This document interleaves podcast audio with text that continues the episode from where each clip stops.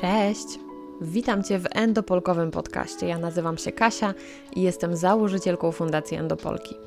Ten podcast to bezpieczna przestrzeń, w której będziemy rozmawiać przede wszystkim o endometriozie, ale nie tylko.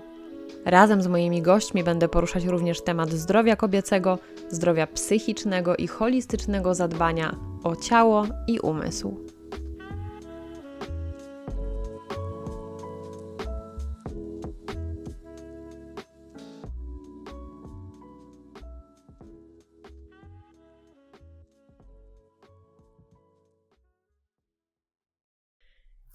Dzień dobry. Dzisiaj mamy, można powiedzieć, taki odcinek bonusowy, w którym razem z moją gościnią, fizjoterapeutką uroginekologiczną Gosią Starzec-Proserpio, chciałybyśmy podsumować tegoroczny Światowy Kongres Endometriozy, w którym obydwie brałyśmy czynnie udział i mogłyśmy w końcu spotkać się na żywo i wyściskać w Edynburgu. Cześć Gosia. Cześć Kasia, cieszę się bardzo, że się znowu spotykamy. Ja też się cieszę. Szkoda, że w takiej formie e, teraz online, ale lepsze to niż nic.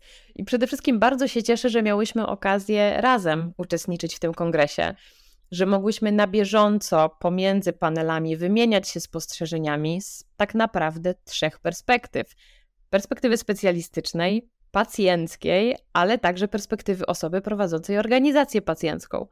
I uważam, że naprawdę warto podzielić się teraz tymi rozkminami z szerszą publiką, z endopolkami, ze specjalistami, ze wszystkimi osobami, które są zainteresowane tym, jakie tematy zostały poruszone podczas kongresu, a niestety nie miały możliwości y, być tam na żywo, tak jak my. Żałuję, że nas pozostali, którzy będą słuchać tego, e, tego nagrania, nie mogli nas zobaczyć na konferencji, bo drodzy Państwo, e, i moje notatki Kasi były pełne różnych zapisków. Robiłyśmy cały czas zdjęcia, cały czas coś notowałyśmy, co fajnie udało nam się, mam nadzieję, e, zebrać na początek tej dzisiejszej rozmowy. Tak, ale wcale to nie było łatwe, żeby wybrać te najważniejsze punkty, bo jednak tematy, które zostały poruszone podczas kongresu, były też z różnych perspektyw i uważam, że to było naprawdę takie spojrzenie na endometriozę bardzo szerokie, e, więc wybrać te kluczowe panele, które najbardziej gdzieś nam utkwiły w głowie, które przekazały taką myśl, którą też my dalej chcemy przekazywać, to było nie lada wyzwanie. Było to wyzwanie, ale na szczęście mam nadzieję udało nam się wybrać takie perełeczki, takie tak zwane highlights z tego, co byśmy chciały dzisiaj powiedzieć i myślę, że to będzie takim początkiem do tego, żeby zachęcić pozostałych do zgłębiania właśnie tej tematyki. Poruszymy dzisiaj e, przede wszystkim e, aspekt merytoryczny, czyli właśnie te highlights, e, które pojawiły się na kongresie, ale też chciałabym, i myślę, że tutaj Gosia podzielisz moje zdanie, żebyśmy na koniec poświęciły kilka minut tematowi organizacji samego wydarzenia, tego, kto brał udział w wydarzeniu i co my o tym wszystkim myślimy, bo tutaj mamy bardzo spójne zdanie i obydwie jesteśmy rzeczywiście zadowolone z tego, jak kongres został zorganizowany. No to super, lecimy zatem. Tak, lecimy. Na pierwszy rzut w naszych notatkach e, jest kwestia bólu podczas współżycia w endometriozie. To był w ogóle pierwszy panel, o ile dobrze pamiętam, pierwszego dnia i już taki, który rzeczywiście i Ciebie interesował jako specjalistkę, jako fizjoterapeutkę uroginekologiczną i mnie również jako pacjentkę. Pamiętam, że naprawdę bardzo mocno mogłam się odnaleźć w tych prezentacjach, poczuć, nawet pamiętam, że Tobie tak to powiedziałam, poczuć w ciele to wszystko, o czym osoby prezentujące mówiły. Tak, to był fantastyczny, um, fantastyczny panel, świetny panel na właśnie otwarcie tego kongresu, wypełniony masą merytorycznej wiedzy. Rozpoczęła go Emma Evans, która powiedziała o tym, że właściwie 70% osób z diagnozą endometriozy doświadcza zaburzeń seksualnych. 70%, co oznacza, że właściwie musimy podejrzewać i adresować odpowiednio ten problem u większości naszych pacjentów. I co ciekawe, pokazała też drugi, drugą stronę medalu. 9% e, specjalistów czuje się komfortowo, jeżeli chodzi o rozmowy na temat zaburzeń seksualnych ze swoimi pacjentami, więc zestawienie tych dwóch um, wartości jest niezwykle szokujące. E, kolejna prezentacja to była prezentacja Jenny Lishammer, która pokazała nam tą perspektywę pacjencką i to, jak bardzo potrzebują pacjentki z endometriozą rozmawiać o tych problemach seksualnych.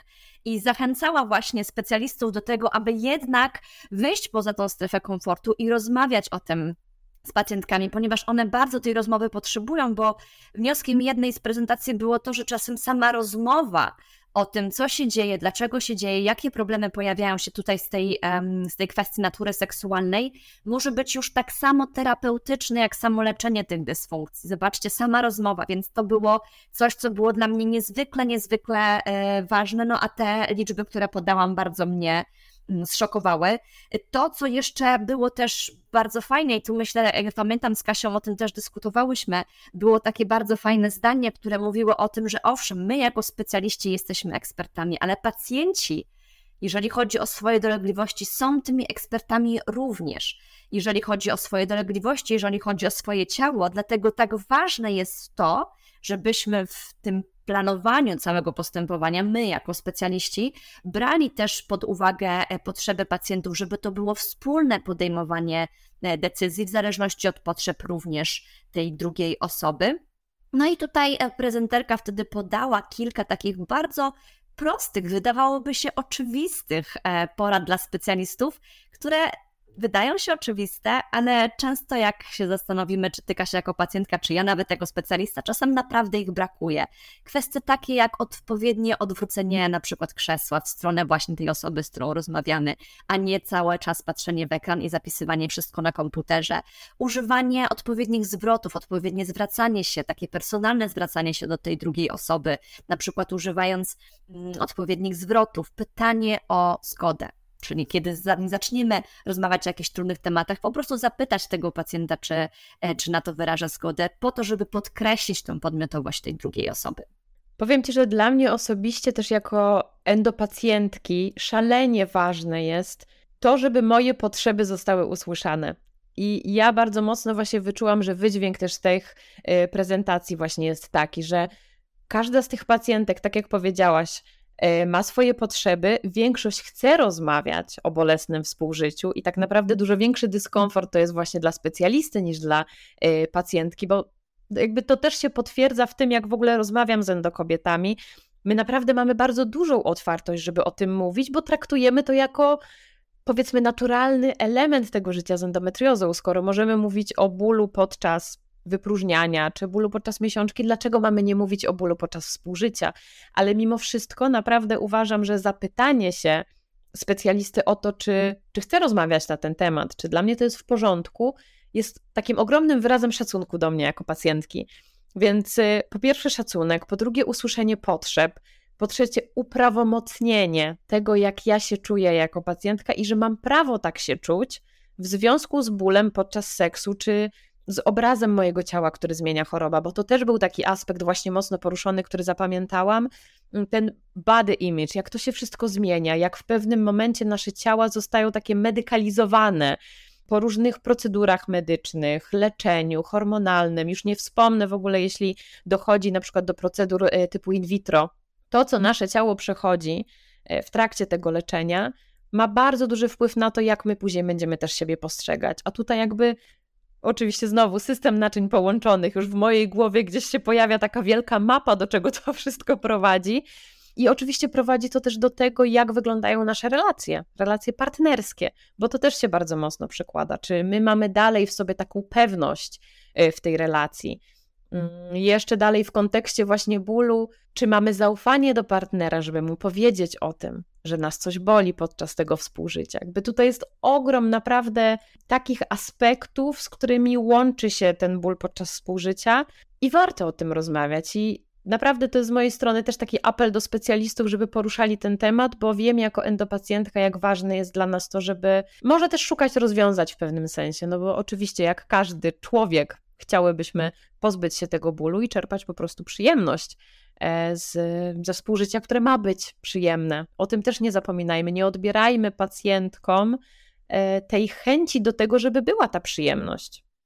Tak, i to był ten temat, szczególnie ten temat obrazu ciała, jak on się łączy właśnie z tymi wszystkimi elementami, które poruszyłaś, to był właśnie temat poruszony w prezentacjach, nie wiem czy dobrze wypowiem tu nazwisko Lisy Kierk ale e, właśnie ona bardzo mm, podkreśliła, pokazując konkretne dane, wyniki ich badań na temat właśnie tego zaburzonego obrazu ciała, jak e, to ten element zaburzonego obrazu ciała połączony jest na przykład z liczbą operacji laparoskopowych.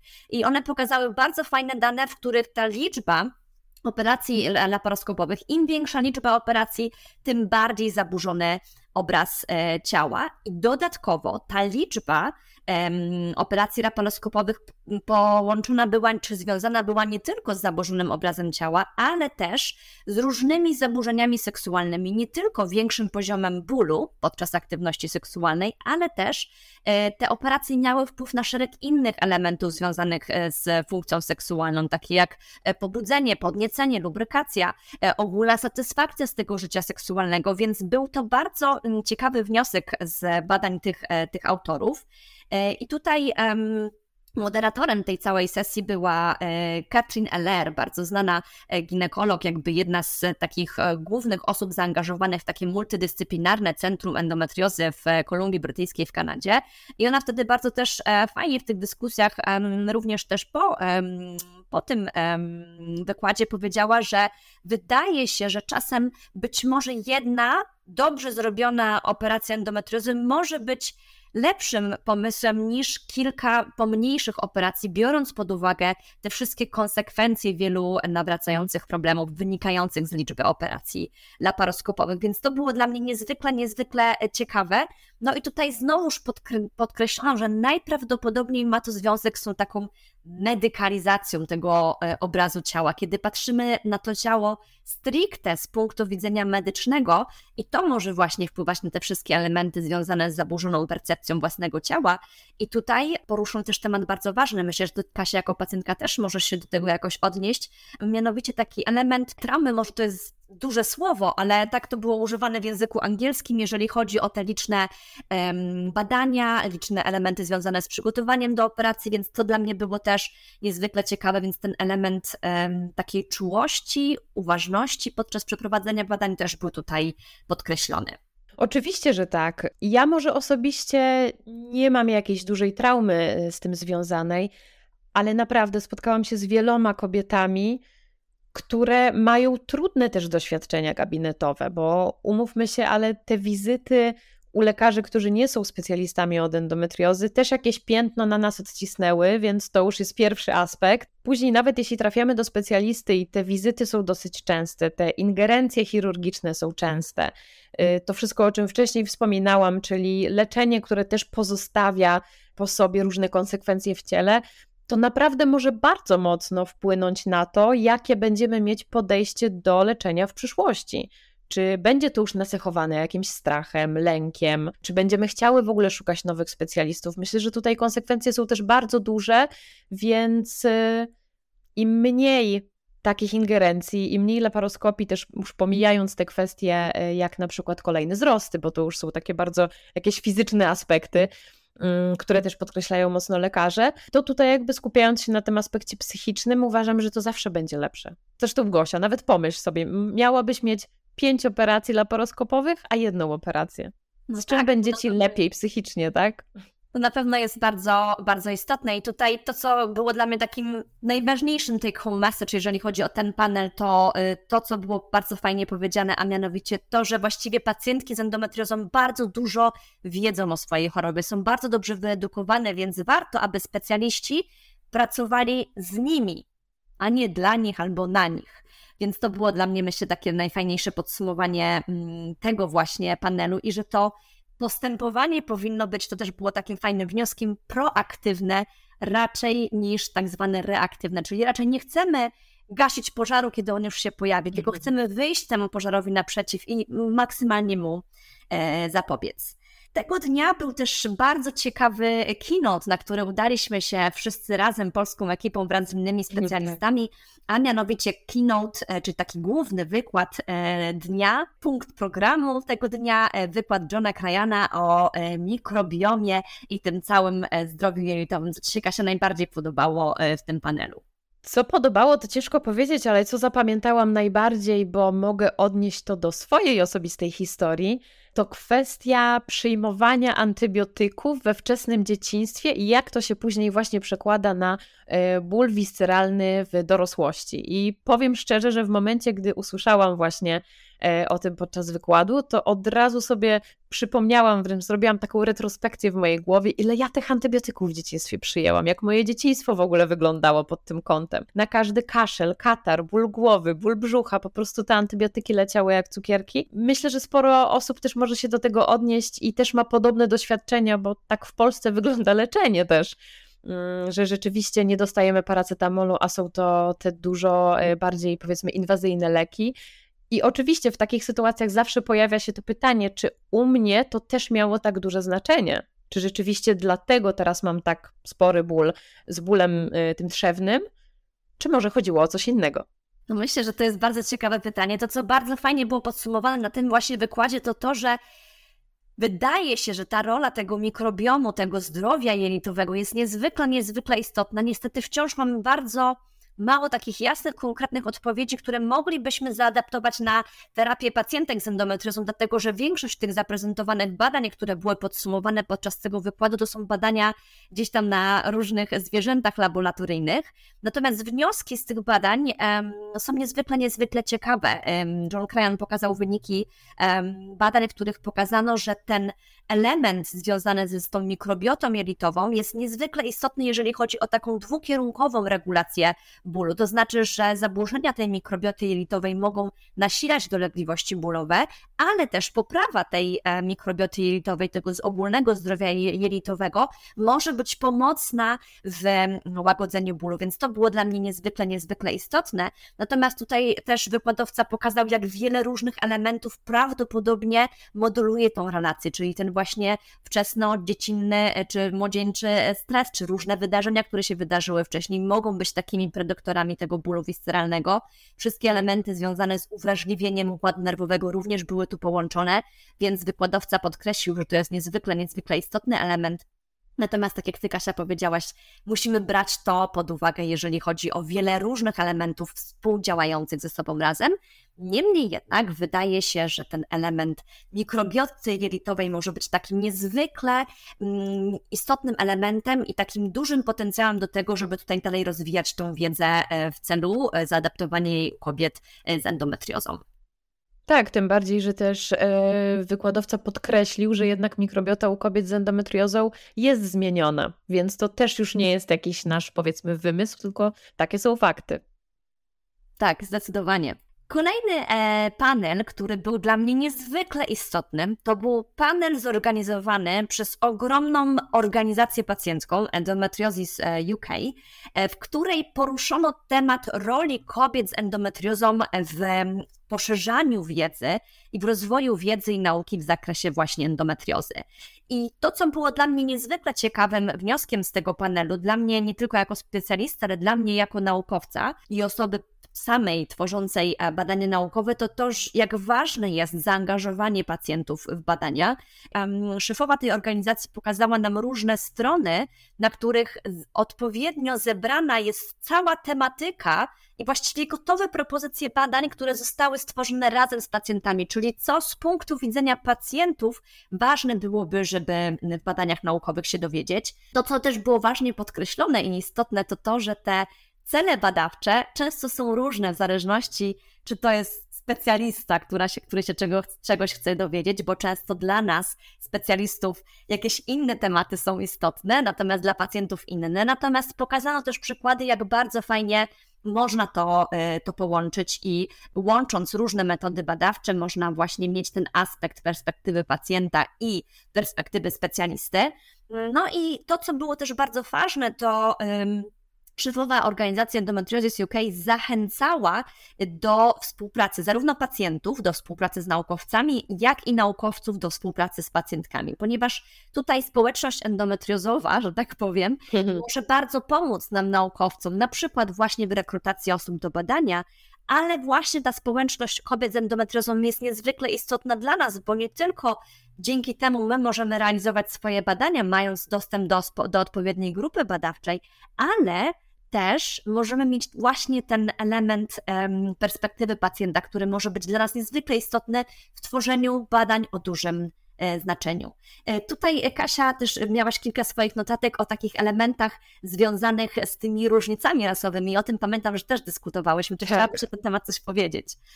Tak, jak najbardziej. Y, to było dla mnie o tyle ciekawe, że w Polsce to nie jest w ogóle temat, na który dyskutujemy. Dla nas gorącą debatą wciąż jest to, że kobiety nie są diagnozowane w kierunku endometriozy, a to, o czym właśnie było mówione podczas kongresu, nie tylko podczas tego jednego panelu, ale to się też przejawiało w kilku wcześniejszych, to już moim zdaniem jest taki trochę level up dla polskiego społeczeństwa. Tak samo jak mówienie nawet osoby z endometriozą, a nie kobiety z endometriozą, bo jak dobrze wiemy, problem dotyczy osób z macicami. E, choć akurat ten temat nie był zbyt często poruszany podczas kongresu, Mocno zostało też podkreślone to, że jeśli chodzi o dostęp do opieki medycznej, do diagnozy endometriozy, do leczenia endometriozy, tutaj też dużą rolę odgrywa pochodzenie etniczne, uwarunkowania kulturowe. I ja, pomimo tego, że to się wydaje logiczne, jak teraz sobie o tym myślę, to ja wcześniej jakby nigdy o tym nawet nie pomyślałam i nawet nie spotkałam się z tym, żeby któraś grupa społeczna miała mieć utrudniony ten proces diagnozy. Tak bardzo jestem przyzwyczajona do tego polskiego spojrzenia, że absolutnie wszystkie kobiety mają trudną drogę do diagnozy, że nawet nie pomyślałabym, że tutaj chociażby uwarunkowania e, kulturowe e, czy pochodzenie mogą mieć też jakieś znaczenie, więc y, też były mm, przeprowadzone badania na ten temat, które grupy mają dużo mniejsze szanse w otrzymaniu poprawnej diagnozy. Ten czas diagnozy się jeszcze bardziej y, wydłuża. Y, grupy, wobec których specjaliści okazują dużo mniejszą empatię. To jest naprawdę bardzo ciekawe i też budzi we mnie takie pytanie, czy kiedykolwiek my w Europie też będziemy na to w ten sposób patrzeć. Miejmy nadzieję, że tak, tym bardziej, że nasze społeczeństwo robi się coraz bardziej różnorodne, więc mam nadzieję, że to jest ścieżka, która gdzieś tam się będzie dalej rozwijać. Kolejna grupa tematów, która właściwie była takim zebraniem informacji, która pojawiła się na różnych panelach, to był taki element, który ujęłyśmy sobie pod jedną taką, jednym taką tematyką parasolową, czyli wszelkie takie nowoczesne technologie, aplikacje e, i elementy związane z internetem i z social mediami. I o tym było niezwykle dużo na, tej, na tym kongresie. I nie zdawałam sobie sprawy, jak jest to istotny temat, który może być naszym takim ogromnym sprzy, sprzymierzeńcem, jeżeli chodzi o zapewnienie odpowiedniej opieki kobietom z endometriozą, ale też może nam szkodzić. I tutaj bardzo był fajny panel, na którym zaprezentowano kilka naprawdę fajnych rozwiązań takich technologicznych, jeżeli chodzi o aplikacje dla kobiet z endometriozą.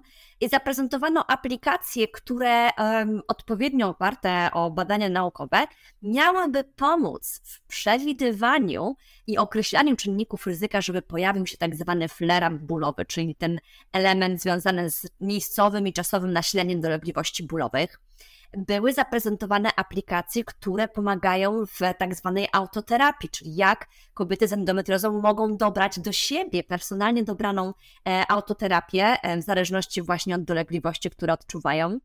Dla mnie, jako specjalisty i naukowca, który pragnie dostarczać rzetelną wiedzę pacjentkom, niezwykle, niezwykle ciekawa była prezentacja strony internetowej, którą możecie sobie też zobaczyć, strona endozone.com.au, australijska strona, która zawiera masę super ekstra ciekawych informacji dla kobiet z endometriozą wraz z praktycznymi wskazówkami dotyczącymi ćwiczeń, diety, e, bardzo konkretnymi i wszystko to oparte jest o badania naukowe i do każdego tekstu dopasowana jest odpowiednia literatura, co jest super, bo nie tylko jest to strona przydatna dla pacjentek, ale też strona przydatna dla specjalistów, którzy chcieliby mm, tą swoją wiedzę taką typową merytoryczną poszerzać. I pamiętam, że z niecierpliwością czekałyśmy na, na wykład Jen Gunter. E, Jen Gunter e, to jest ginekolożka, która e, świetnie działa w social mediach, no i jej wykład, jej keynote był niezwykle, niezwykle ciekawy. Ja jeszcze bym się chciała odnieść do tych aplikacji. Myślę, że tutaj Ciebie bardzo nie zdziwię, bo Ty już o tym doskonale wiesz. E, zresztą społeczność Endopolek też wie, e, jak bardzo gdzieś tam staram się iść w kierunku właśnie praktyki uważności i traktowania tego jako narzędzia w endometriozie. Więc jak usłyszałam o tym, że jest planowana aplikacja, bo jeszcze nie jest ona niestety w użyciu, mm, ale już przechodzi pewne testy, która będzie łączyła właśnie praktyk uważności i pokazywała, jak świetnym narzędziem, codziennym wręcz bym powiedziała, może być dla kobiet z endometriozą, to dla mnie to był po prostu balsam na uszy, balsam na serce. I chciałabym to bardziej rozwinąć, bo też odnosi się do pewnego programu uważnościowego, o którym ja też wielokrotnie mówiłam e, na profilu fundacji, a mianowicie chodzi o program e, Mindfulness Based Stress Reduction, czyli taki program redukcji stresu oparty o uważność, e, którego autorem jest John Kabat-Zinn, człowiek, który można powiedzieć przywiózł ten wschodni mindfulness na zachód i zaczął używać tych praktyk w kontekście medycznym, gdyż jest profesorem medycyny i zresztą twórcą kliniki redukcji stresu na Uniwersytecie Medycznym w Massachusetts.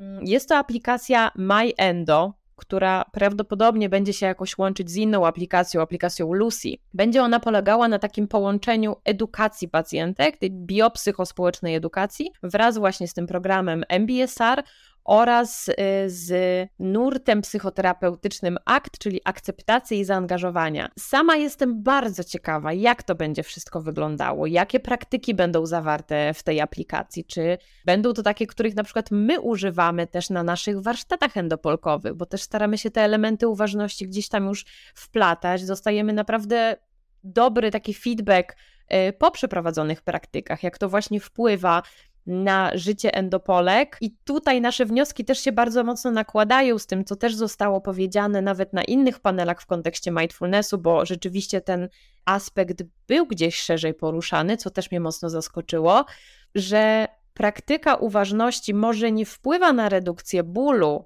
ale wpływa na jakość życia. I o tym też Gosia dużo później rozmawiałyśmy. I jeszcze na pewno o tym wspomnimy później w kontekście właśnie paneli, które dotyczyły już tak stricte bólu, bo tutaj były naprawdę takie solidne perełki, e, że nie zawsze chodzi o to, żeby zredukować tylko ten ból. Dlatego naprawdę ja widzę tutaj ogromny potencjał właśnie w takich aplikacjach, jak ta aplikacja MyEndo, chociaż jeszcze jej nie widziałam i nikt jej jeszcze nie widział, ale naprawdę przeczuwam, i zresztą mówię to na bazie własnego doświadczenia z e, uważnością, z praktyką uważności, że może to być bardzo wspierające narzędzie na co dzień. Zdecydowanie, zdecydowanie. Myślę, że jeżeli nawet będzie możliwość, to może możemy gdzieś w jakichś tam notatkach pod podcastem e, wypisać właśnie ten, te najważniejsze e, źródła czy aplikacje, które gdzieś tam były wymienione na kongresie, żeby pozostali mogli sobie też zobaczyć. Jak mm, najbardziej. Gunter, ja na niego bardzo czekałam. To był jeden z takich wykładów, e, dla których właściwie przyjechałam do, e, do Edynburga. Bardzo chciałam jej posłuchać. E, I to był wykład, który e, pokazał mi rzeczywiście w taki bardzo obiektywny sposób wszystkie te wady i zalety związane z e, działalnością i pacjentów, i specjalistów w social mediach i jak to wpływa na kobiety z endometriozą. To, co podkreśliła Jen Gunter, to to, że social media są niezwykle wartościowym źródłem komunikacji. I często, niestety, są jedyną przestrzenią, w której dziewczyny z endometriozą mogą w tak pełnym obrazie podzielić się swoimi doświadczeniami, co jest wspierające dla pozostałych osób z endometriozą, które mogą poczytać, że nie są same i że też są inne osoby w podobnej, e, w podobnej sytuacji. Jen Gunter też zaprezentowała takie informacje co jest taką przyczyną, dla której właśnie osoby z endometriozą kierują się w stronę e, social mediów, żeby zyskać trochę więcej informacji. Wśród tych głównych wymienionych powodów była, był element zwiększenia świadomości, był element uzyskania wsparcia, e, ten element, w którym osoba z endometriozą czuje się mniej wyizolowana, mniej samotna w tych swoich dolegliwościach, że w social media często integrując się z innymi pacjentkami może uzyskać odpowiednie wsparcie, często też poradę medyczną, e, może opisać swoje doświadczenia, może opisać swoje dolegliwości i swój ból swoimi własnymi słowami, e, więc to było niezwykle, niezwykle mm, istotne. Natomiast z drugiej strony, to co było też podkreślone, to niestety, ale na bazie tego, co widzieliśmy w kontekście na przykład COVID-a i szczepionek, tutaj social media są ogromnym źródłem dezinformacji i szczególnie jest to ważne dla nas też, specjalistów, bo często nawet my, jeżeli myślę sobie o sobie, każdy post, który wrzucam, niby przemyślam 15 tysięcy razy, czytam go 15 tysięcy razy i wydaje mi się, że jest jasny i klarowny, ale nigdy nie jest tak, że jest on w pełni odebrany tak, jak ja bym chciała. Często inne osoby inaczej to rozumieją. To jest jedna rzecz. A druga rzecz, która była podkreślona, no to jednak bardzo łatwo jest szerzyć nieprawdziwe e, informacje. I tutaj pamiętam o tym też dużo rozmawiałyśmy. Tak, i nawet też został poruszony wątek tego, jak przekazywać wiedzę, którą mamy. W Twoim przypadku to już w ogóle będzie bardzo często wiedza, którą pozyskujesz z jakichś badań naukowych, jak ją przekazać w tej formie właśnie mediów społecznościowych, gdzie komunikat musi być przede wszystkim krótki i nie zawsze jesteś w stanie zawrzeć tą mm, esencję tego badania i przekazać to w taki sposób, żeby nie prowadziło to do jakichś nieporozumień. Uważam, że jest to bardzo duże wyzwanie dla, posłużę się Gosia jakby tobą jako takim przykładem, no bo jesteś jednak naukowcem, więc też inaczej przekazujesz te informacje niż ja, jako osoba prowadząca fundację. Na pewno masz dużo większe wyzwanie w związku z tym. Chyba nad tym trzeba będzie się zastanowić też, jak budować te posty, rolki, żeby nie tracić esencji na przykład danego badania naukowego, ale żeby też to przekazać w takiej zjadliwej formie. Zjadliwej formie, no i jeszcze, żeby się klikało. I to jest też ten element, który Gunter podkreśliła, że często chcąc troszeczkę podkręcić tą klikalność i, i um, popularność danego postu, no niestety dochodzi do różnych nadużyć, bo czasem, jeżeli powiemy coś takiego bardzo konkretnego, kontrowersyjnego, yy, co będzie wzbudzało wiele emocji, to bardzo łatwo ten post się niesie, ale często niestety, i o tym też ten element był też poruszany w dyskusji po wykładzie John Gunter, że często jakby medycyna nie jest taka szokująca, że często jest tak. wiele elementów związanych z to zależy, albo wiele czynników na to wpływa i to już niestety się nie klika, więc dużo było dyskusji również po wykładzie John Gunter, takich zadających jej różne pytania, jak my jako specjaliści możemy właśnie adresować te elementy związane z dezinformacją, jak angażować się w różne dyskusje w social mediach, no i przede wszystkim najważniejszy element, czyli element tego knowledge translation, czyli tej całej nauki związanej z tym, jak możemy w prosty sposób społeczeństwu tłumaczyć rzetelnie wyniki badań naukowych. Pamiętajmy też, że pojawia się ten element hejtu, i to też jest nieodłączny element kont edukacyjnych, gdzie jednak będą się pojawiały osoby, tak zwane trole, którzy zawsze będą próbowali gdzieś yy, taki zalążek tej dezinformacji pozostawić i jednak pokazać, że ta wiedza, którą my przekazujemy, niekoniecznie jest dobra. Więc naprawdę prowadzenie, takie odpowiedzialne prowadzenie konta w mediach społecznościowych wiąże się właśnie z bardzo dużym ryzykiem, odpowiedzialnością społeczną, Trzeba ważyć też każde słowo, żeby nie zostało źle zrozumiane. I w zasadzie chyba każdy z nas, kto był na tym wykładzie, wychodząc, musi już sobie sam odpowiedzieć na to pytanie, na ile media społecznościowe są przyszłością, a na ile są tym przekleństwem. Dokładnie, to było bardzo ciekawe.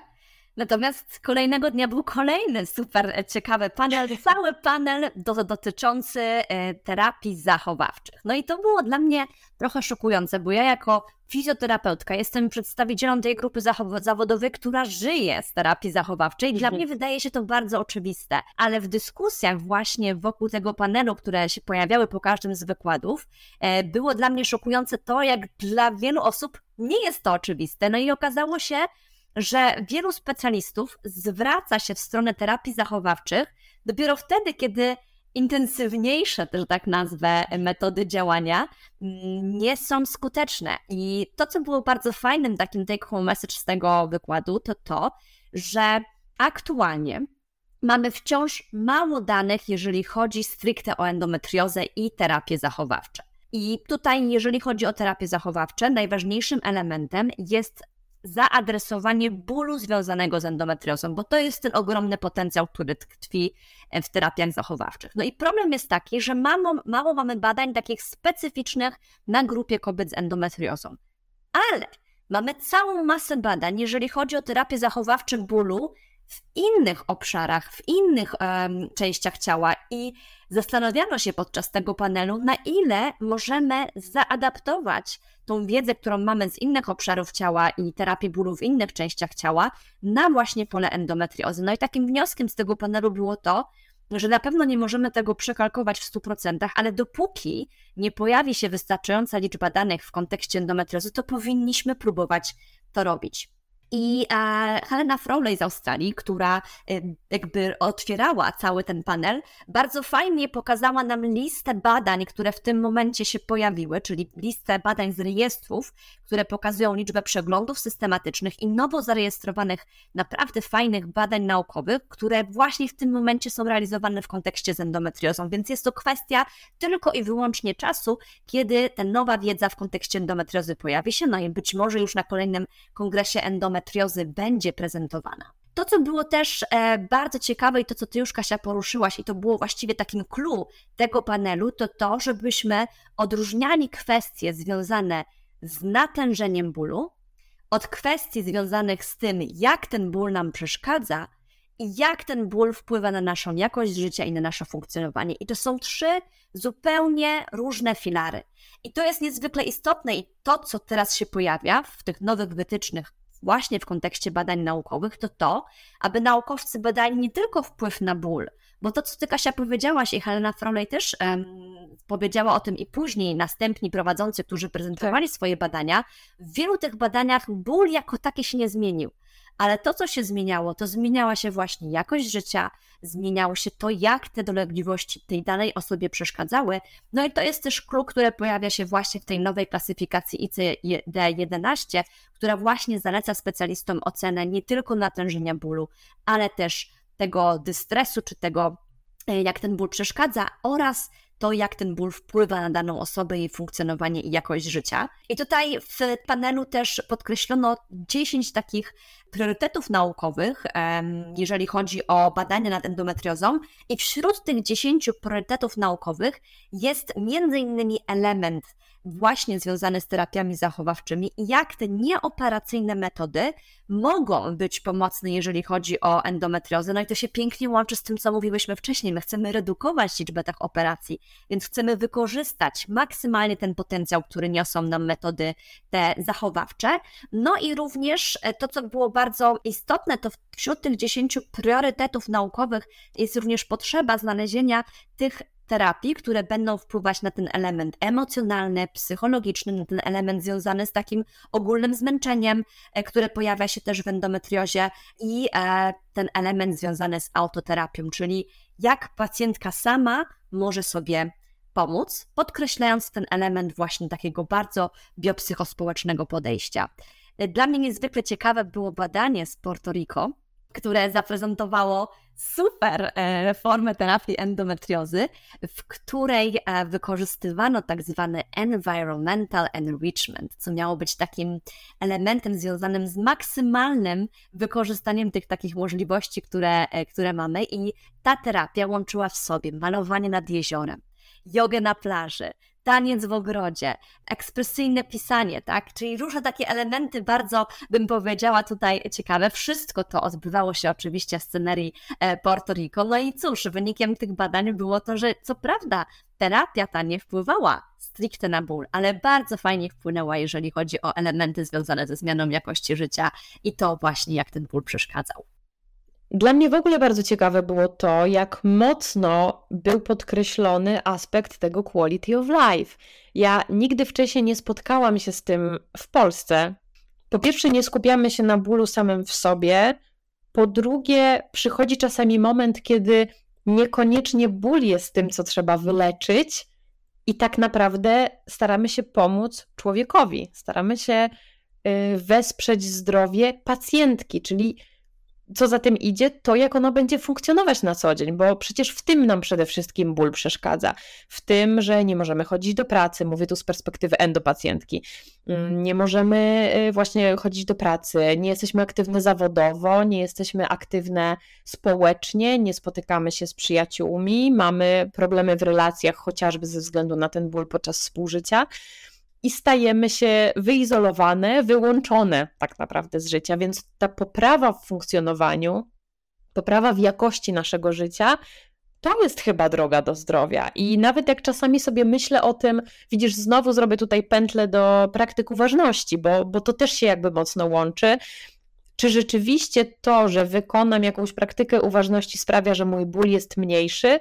No nie, to się nie dzieje magicznie ale moje podejście do tego bólu jest łagodniejsze.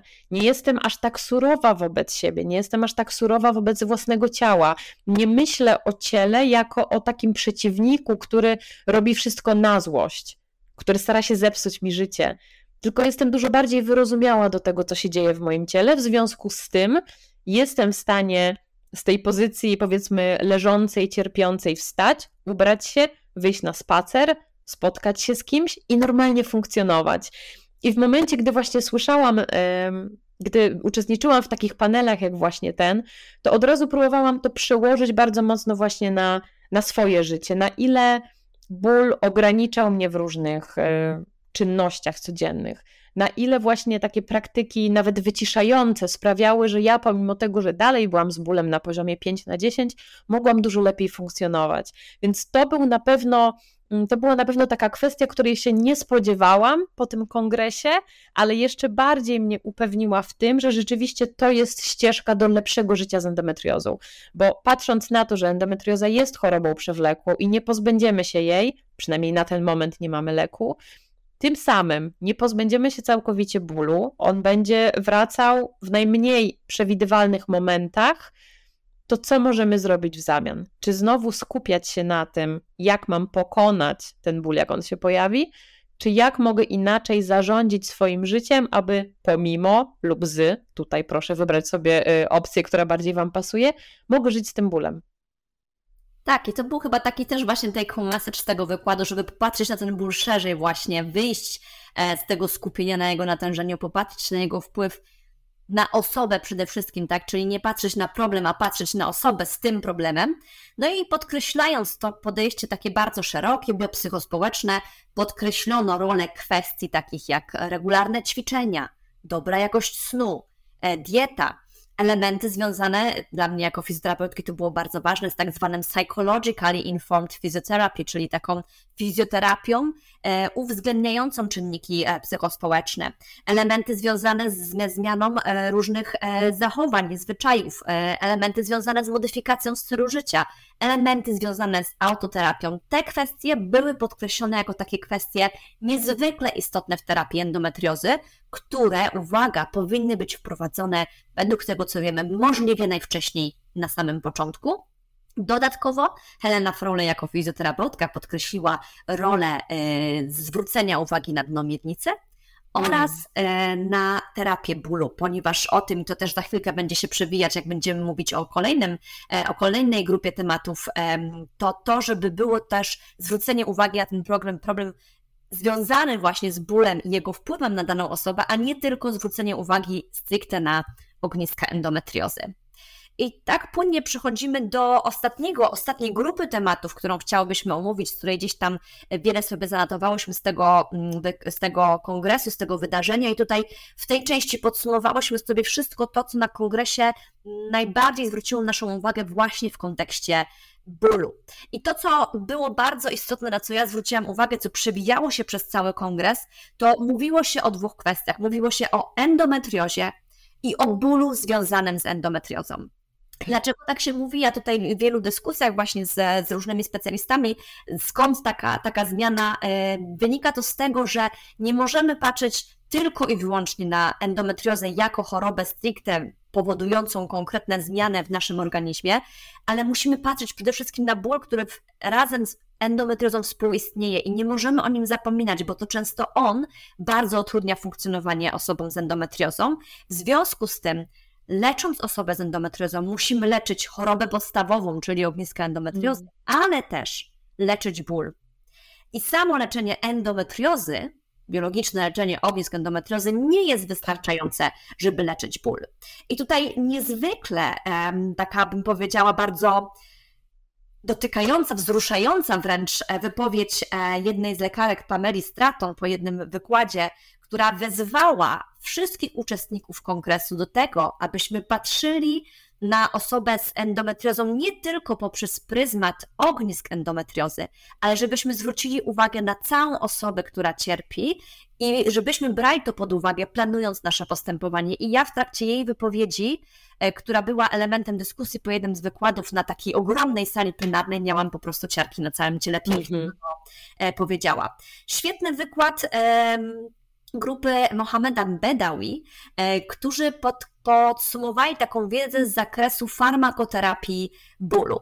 I to, co było podkreślone, to to, że leczenie hormonalne e, w kontekście terapii bólu związanego z endometriozą może być pomocne, ale może być niewystarczające. Dlatego tutaj tak ważnie, e, istotnie spinało się to z tymi elementami związanymi z wiedzą z panelu o terapiach e, zachowawczych. To, co było jeszcze też bardzo ciekawe, to to, że niestety leczenie bólu takie farmakoterapeutyczne w kontekście bólu związanego z endometriozą wie wielu, u wielu osób jest nieefektywna. Ta efektywność plasuje się na poziomie 35-50%, e, więc to było niezwykle, niezwykle istotne, że nie jest to wystarczające leczenie i powinno być uzupełnione mm, o inne metody. Mówiono też o fenotypowaniu bólu i to się przewijało zarówno na tych wykładach bardzo medycznych, jak i bardziej fizjoterapeutycznych, mm, czyli żeby zastanowić się, jakie jest źródło bólu w endometriozie, czy jest to źródło o charakterze bardziej mechanicznym, wynikającym z miejscowych ognisk endometriozy, czy e, tym elementem związanym z bólem są zmiany na poziomie e, układu nerwowego związane z tak zwanym centralnym uwrażliwieniem, związane z tak zwanymi centralnymi mechanizmami sterowania odpowiedzią bólową, bo tam leczenie będzie zupełnie, zupełnie inne. I tutaj wspaniały, niezwykle wartościowy keynote Daniela Klo, e, który e, świetnie podsumował tę tą wiedzę, którą mamy znowuż z innych obszarów ciała, z innych schorzeń związanych z bólem przewlekłym. I tak, to... mocno opierając się na, na leczeniu fibromialgii fibromialgii, na podejściu do fibromialgii. Tak. Tak, tak. I tutaj, e, biorąc pod uwagę właśnie te badania z zakresu fibromialgii, podkreślił ten element centralnych mechanizmów sterowania odpowiedzią bólową, nakładających się przewlekłych zespołów bólowych, o których kiedyś z Tobą, Kasia, rozmawiałyśmy. Tak. E, I jak ważne jest, żeby zwrócić uwagę na ten element uwrażliwionego układu nerwowego u osób z endometriozą jako jedno z potencjalnych źródeł bólu. Dlatego tak ważne jest, żeby fenotypować te dolegliwości w bólu związanym z endometriozą, bo dzięki temu możemy dobrać bardziej dopasowane postępowanie. Powiem szczerze, że dla mnie ten wykład właśnie Daniela Klo był takim podsumowaniem tego, o czym słyszałam od ciebie, bo jesteś pierwszą, byłaś pierwszą osobą, która w ogóle powiedziała mi o tym, że jest coś takiego jak przewlekle nakładające się na siebie zespoły bólowe, jak centralna sensytyzacja. Więc ja w ogóle wyjeżdżając do Edynburga miałam taką wiedzę tylko i wyłącznie od Gosi i tam po raz pierwszy mogłam posłuchać osób, które być może dla ciebie i dla innych specjalistów są ogromną inspiracją i takim źródłem właśnie wiedzy na temat bólu, na temat podejścia do bólu, takiego, takiego podejścia, z którym ja też się w Polsce raczej nie spotykałam. Dopiero teraz od niedawna spotykam się, gdyż też zaczynam odwrażliwiać swój układ nerwowy, więc też mogę powiedzieć osobiście, że na ciekawym etapie leczenia własnej endometriozy wyjechałam na ten kongres że mogłam też znowu z takiej perspektywy bardzo osobistej spojrzeć na to, o czym się mówi, przełożyć to na swoje doświadczenia.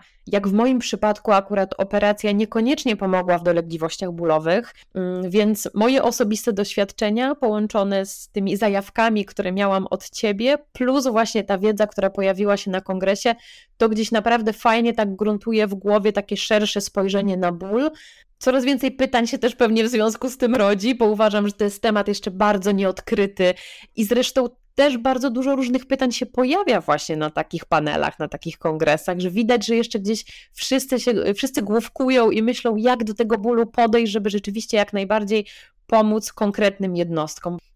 To, co było dla mnie bardzo ciekawe, to znowuż tutaj Dan Klaus świetnie uzupełniał się z tym panelem o terapiach zachowawczych, podkreślając, że w kontekście terapii bólu o charakterze tak zwanego bólu nocy plastycznego, czyli tego jednego z nowszych rodzajów bólu, które wyróżnia International Association for the Study of Pain, takim mocnym dowodem na skuteczność e, terapii jest przede wszystkim edukacja, ćwiczenia, elementy związane z adaptacją technik z terapii poznawczo-behawioralnej, mindfulnessu czy terapii akceptacji zaangażowania, o których Kasia Ty mówiłaś. Więc to było fantastyczne, jak różni naukowcy z różnych dziedzin, z różnym backgroundem, czy lekarze, czy fizjoterapeuci, czy różne specjalności lekarskie z różnych krajów, jak idealnie na tej konferencji, nie ustalając wcześniej między sobą tego, co tak. będą mówić, świetnie się uzupełniali.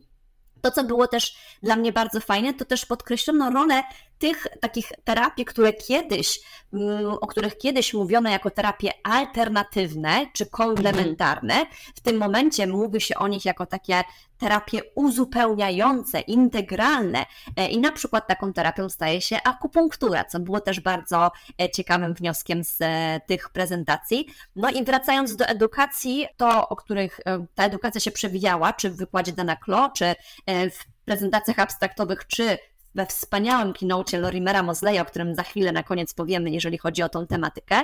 No i to, co było świetne, to jeden z abstraktów właśnie w serii e, plakatowej, e, zaprezentowany przez doktorantkę Lorimera Mosleya o, o tym, jak adaptować edukację o bólu dla kobiet z bólem miednicy e, i takim bólem miednicy właśnie związanym z endometriozą. I tutaj e, przedstawiono cztery takie główne koncepcje, które, uwaga, zostały stworzone we współpracy z pacjentkami, czyli co dla tych pacjentek, którym ta edukacja była pomocna, z tej edukacji było najważniejsze. I te cztery koncepcje mm, zawierały następujące informacje. Pierwsza z nich dotyczyła tego, że ważną rolę w bólu może odgrywać to uwrażliwienie układu nerwowego i ten ból staje się taki nadmiernie chroniący, niepotrzebnie i to waliduje nam odczucie bólu, bo to nie jest ból, który my sobie wymyślamy, to jest ból związany ze zmianami na poziomie struktury układu nerwowego. Kolejną taką koncepcją niezwykle ważną to było to, że ból nie oznacza, że coś niepokojącego dzieje się w moim ciele, że coś jest uszkodzone, chociaż czasem może to oznaczać, bo w endometriozie wiemy, że te źródła bólu mogą być związane właśnie z tym ogólnym uwrażliwieniem i nie muszą wynikać z uszkodzenia, ale mogą też wynikać z ognisk endometriozy.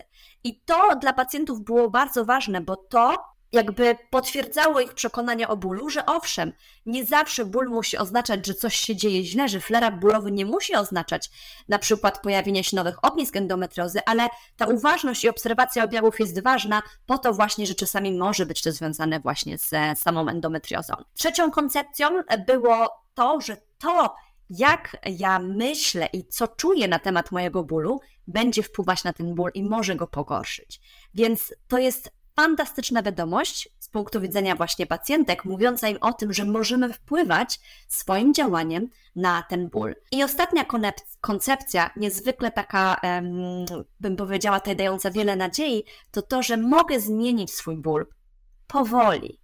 Czyli mhm. pokazuje nam na to, tutaj ten element pokazuje nam to, że nie mamy czegoś takiego jak quick fix, szybka tabletka, jedno ćwiczenie, które nam od razu pomoże. My możemy zmieniać ten ból, ale ten ból będzie się zmieniał powoli poprzez zmiany stylu życia, poprzez modyfikację wielu różnych innych aktywności. I to było taką, taką świetną jakby takim jakby teaserem, takim zwiastunem tego, co Lorimer Mosley powiedział w kończącym wykładzie cały kongres i to właściwie ten wykład był, myślę, tą tym głównym punktem programu, na który ja czekałam przez cały kongres i dla niego specjalnie myślę, jak zobaczyłam to nazwisko, to, to był element, w którym kliknęłam, że muszę, um, muszę na tym kongresie być. Tak, to, to ostatnie zdanie, które się pojawiło, myślę, że też bardzo ciekawie tutaj podsumowuje jakby mm, tą całą koncepcję patrzenia na ból. Otóż był to cytat: Jeśli ludzie nauczą się tego, jak działa ból, zaczną cierpieć mniej co pokazuje, jak ważna jest właśnie przede wszystkim edukacja, edukowanie pacjentów, czym jest ból, jak on działa i te wszystkie cztery koncepcje, właśnie opierając się o te cztery koncepcje, Gosia, o których mówisz, czyli że tak naprawdę rolą bólu jest taka ochrona nas, pokazywanie, że coś się dzieje, prawdopodobnie, być może nie, ale coś się dzieje w organizmie, zareaguj, zobacz, czy wszystko jest w porządku. I jak właśnie mówiłaś o tych koncepcjach, to od razu w mojej głowie pojawiła się taka myśl, takie nawiązanie yy, do psychoterapii i do tego, jak ważne jest, żeby uczyć się tego, żeby mówić sobie w momentach bólu, jestem bezpieczna, wszystko jest w porządku. Przede wszystkim w takim momencie, kiedy wiemy, że ten ból nie jest sygnałem, że coś poważniejszego dzieje się, powiedzmy, w naszej miednicy albo generalnie w kontekście endometriozy, bo na przykład jesteśmy świeżo po badaniach i wiemy, że jest wszystko w porządku. I wtedy to uprawomocnienie tego, że mogę tak się czuć,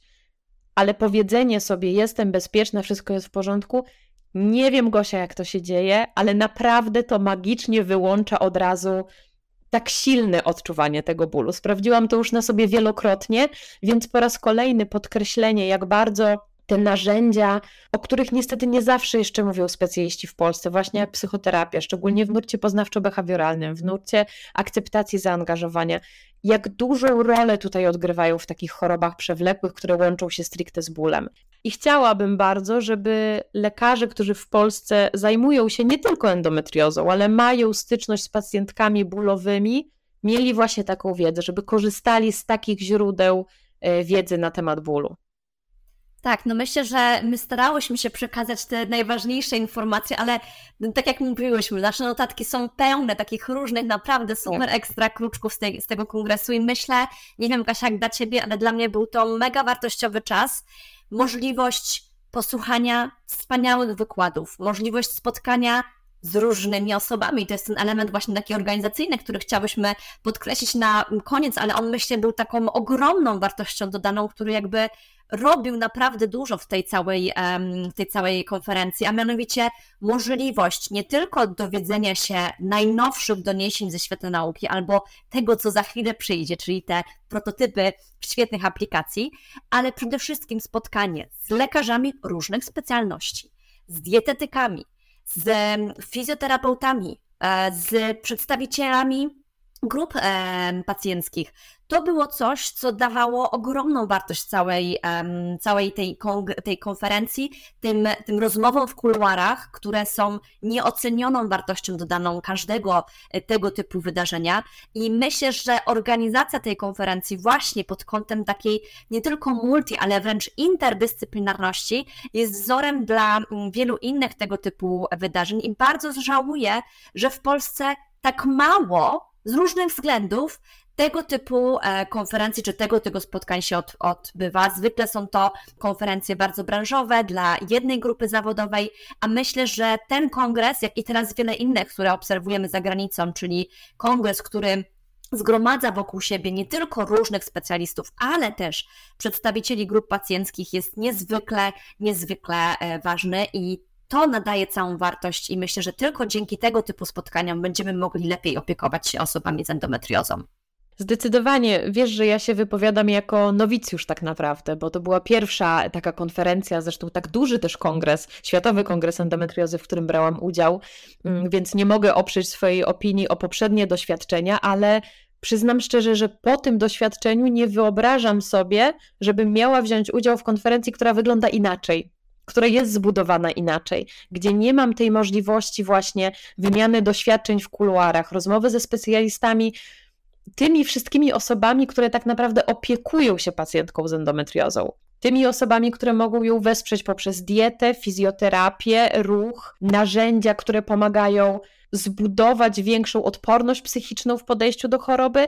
Nie wiem, jak inaczej mamy podchodzić do endometriozy, jeśli nie w takim teamie. To mi się wydaje najbardziej skuteczne, oczywiste i znowu mówię z perspektywy osoby, która jest zaopiekowana przez takich specjalistów, ale też osoby, która stara się podpowiadać innym kobietom z endometriozą, jak o siebie zadbać. I od samego początku widziałam największy potencjał w takim holistycznym podejściu, a to wydarzenie jeszcze bardziej mnie w tym upewniło. I to, że mogłam porozmawiać z tymi specjalistami, z takimi specjalistami jak ty, z osobami z zagranicy, zebrać te wszystkie punkty widzenia, zebrać tak naprawdę informacje o tym, jak dane narzędzie działa na mnie jako pacjentkę, ale też jakie podejście do tego narzędzia ma lekarz, to jest nieoceniona tak naprawdę wartość tego spotkania i też życzę Tobie jako specjalistce i sobie jako osobie, która chce brać udział w takich wydarzeniach, żeby rzeczywiście właśnie w ten sposób były organizowane kongresy.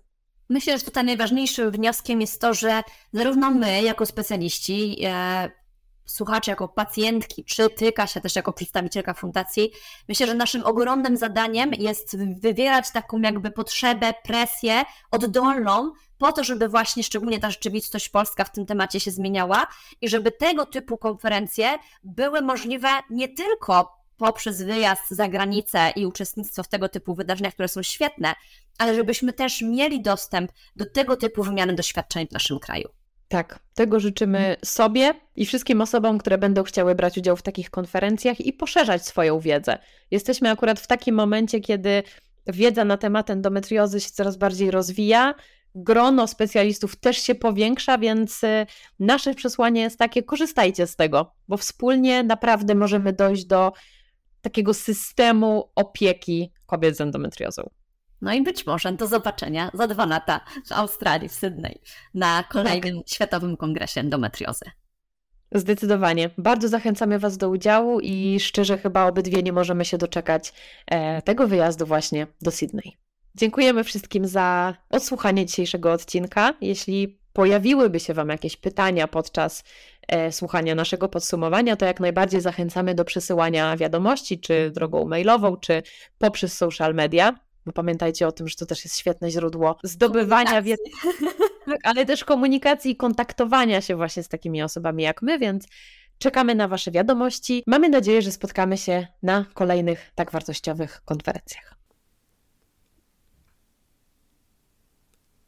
Jest mi bardzo miło, że zechciałaś, zechciałeś spędzić swój czas słuchając tego odcinka. Jeśli treści przekazywane w tym podcaście są dla Ciebie ważne, zachęcam do przestrzeni Patronite, gdzie możesz wesprzeć Fundację Endopolki. A jeśli o wsparciu mowa, to z tego miejsca chciałabym ogromnie podziękować patronkom i patronom fundacji, dzięki którym powstał ten podcast. Mam nadzieję, że czujecie się jego częścią. Do usłyszenia za tydzień.